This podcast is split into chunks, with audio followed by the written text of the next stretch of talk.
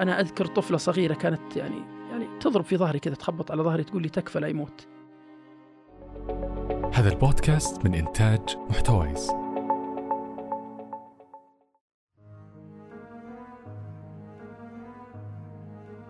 رسم مازلو مثلث حاجات الإنسان للعيش وقسمها على حاجات جسدية حاجة الأمان الحاجات الاجتماعية والحاجة للتقدير وتحقيق الذات.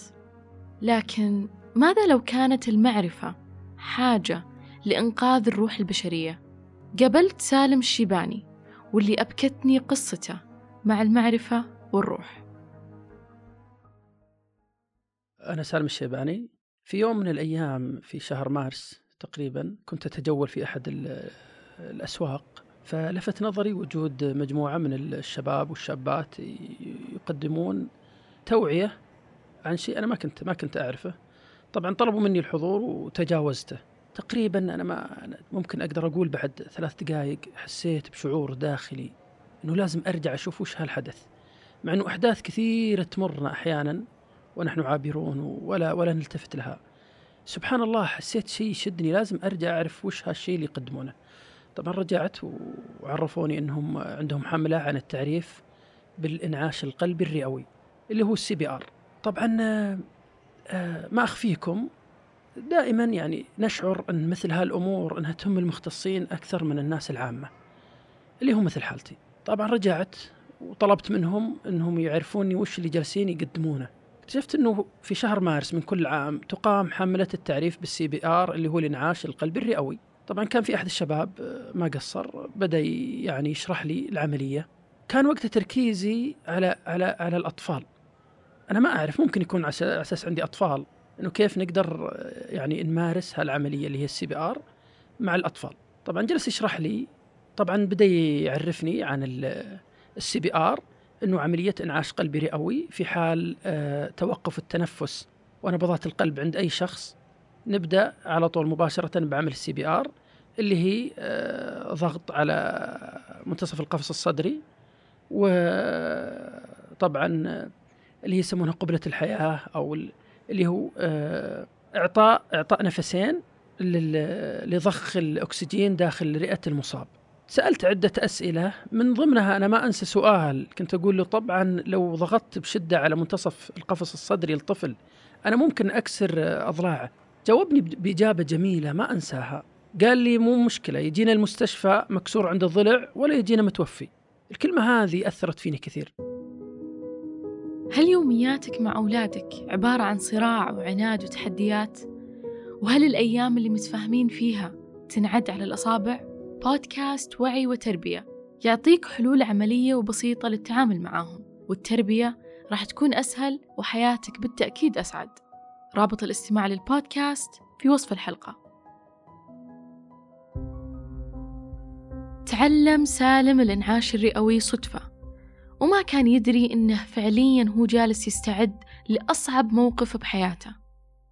بعد تقريبا بالضبط خمسة أيام إلى ستة أيام لم تتجاوز أسبوع كنت أمام اختبار حقيقي. والله لم أكن أتخيل أني سأكون تحت يعني تجربة تجربة تجربة يعني مقابلها حياة إنسان. بينما كنت أتجول في أحد آه، المنتزهات في مدينة الطائف. كان منتزه كبير شوي وكان يعني في أحد أركانه آه، حوض سباحة. طبعا هو منتزه خاص. أنا كان معي أطفالي جايبهم يلعبون في الملاهي وأنا أمارس رياضة المشي كالعادة. فتقريبا بعد مرور يمكن نصف ساعة يعني فجأة يعني سمعت صوت بكاء وصوت يعني استغاثة بشكل كبير جدا. أنا كان في بالي سلامة أطفالي أولا. شعور إنساني ما أقدر يعني شعور فطري. كنت أركض باتجاه الصوت. أول ما يعني صادفت كان أطفالي جايين يركضون صوبي. الصوت العام كان فيه كلمة تتردد مات مات طفل مات وبكاء ومنظر منظر ما ما أقدر ما مستحيل إني أقدر أوصف بكلمات عامة. أنا مباشرة اتجهت باتجاه التجمع فكان يرددون طفل مات طفل مات.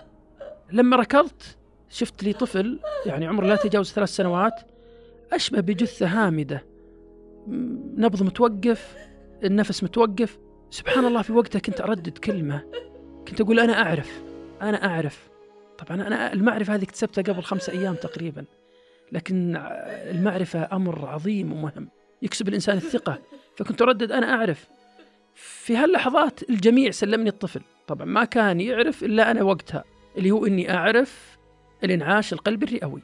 مباشرة أخذت الطفل نزلته على الأرض بديت أمارس ما تعلمت لخمس دقائق ماضية ما أخفيكم؟ يعني كنت أمارس عملية الإنعاش القلبي الرئوي بلا ثقة لأنها تجربة أولى لأنها تجربة ما كنت أتوقع أني أنا اكتسبت المعرفة بهالشكل السريع. طبعا الجميع كل اللي حولي علقوا آمالهم بعد الله علي.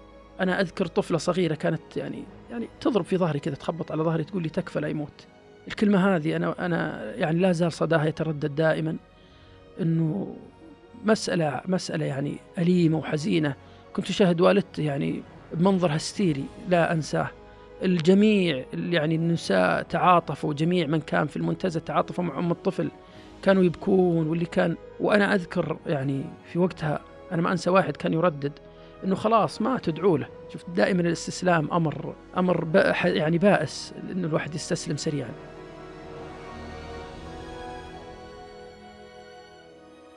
فيه الكثير من المواقف اللي الاستسلام فيها هو أكبر خسارة على الرغم من أن سالم خالطه شعور باليأس إلى أنه أصر يحاول ويحاول لأن بداخله معرفة بسيطة خلته يحس بثقة كبيرة. طبعا آه، أنا جلست يعني منتظم في ضغطات على القفص الصدري إعطاء نفسين آه، رجعت كررت العملية تقريبا ممكن من 10 إلى 12 مرة. فجأة فجأة بدأ الطفل يعني بين يديني بدأ يتحرك كأنه كأنه كأنه فعلا بدأت تدب الحياة. هذا الشيء أعطاني أمل إني أواصل وأستمر. يعني تقريبا بعد يعني ممكن أخذت العملية ست دقائق إلى سبع دقائق. بعدها بدأ الطفل يعني يرجع له النفس. أنا ما أنا ما مستحيل أستطيع أن أوصف شعوري في هاللحظة. نجاح عملية ما كنت ما كنت أو يعني لأول مرة أعملها. الأمر ما أخذ إلا سبع دقائق بالكثير. آه، طبعا في هاللحظات آه، وصل الإسعاف. آه، أخذت الطفل أنا ورحت أركض باتجاه الإسعاف كان المسعفين نازلين. فيعني واضح علي يعني أنه القلق والخوف. فكان هو يعتقد أني والد الطفل كان يطمني يقول لي لا لا تقلق لا تخاف شوف الولد يتنفس. طبعا هو ما عرف الفترة العصيبة جدا. اللي عشتها أنا وجميع من في المنتزه. طبعا الهلال الأحمر آه، قام بنقل الطفل للمستشفى. أنا بعدها بساعة بعد ما هديوا أطفالي ورجعتهم البيت وتأكدوا أن الأمور سليمة اتجهت للمستشفى قابلت والد الطفل عرفته بنفسي. طبعا قال لي لازم ننتظر الرد. تقريبا بعد ثلاث أربع ساعات رجعت اتصلت عليه. قال لي أبشرك الولد أموره سليمة علامات الحيوية ممتازة آه، بس طالبين يحطونه في المستشفى كم يوم. بعد تقريبا يومين رحت زرته أنا وأطفالي. استقبلني الولد يركض صوبي ويضمني. أنا ما أقدر يعني يعني أوصلكم الشعور اللي أنا أنا عايشته مع هالحالة. وقتها يعني أنا كتبت في على حسابي في تويتر القصة. تقريبا حصدت أكثر من 2 مليون آه، مشاهدة. طبعا اطلعت على حالات وأنا ودي أركز على هالأمر. في الردود وصلتني حالات كثيرة جدا. أنهم فقدوا أحبة لهم بين أيديهم ولم يستطيعوا لم يستطيعوا يقدموا لهم أي شيء. تخيلوا أني لو أقول لكم أنه دورة ممكن مدتها ساعة بالكثير تمام على الإنترنت أو الأفضل منها دورة متخصصة اللي يقدمها الهلال الأحمر السعودي أو أي مركز ممكن أنها تكون كافية لإنقاذ حياة شخص عزيز عليكم. السلام عليكم. معاكم بسمة حمدان مقدمة بودكاست بلا كلام فاضي. باختصار هو بودكاست حواري يشجعنا نتكلم في المواضيع البعيدة عن السطحية. المواضيع اللي تساعدنا نطور من نفسنا ونتعلم عن نفسنا أكثر. ما أجيب خبراء ما أجيب ناس مختصين نتكلم عن تجاربنا اللي شفناه واللي قريناه واللي سمعناه. يسعدني استماعكم للحلقات. بتلاقوا الرابط في وصف الحلقة.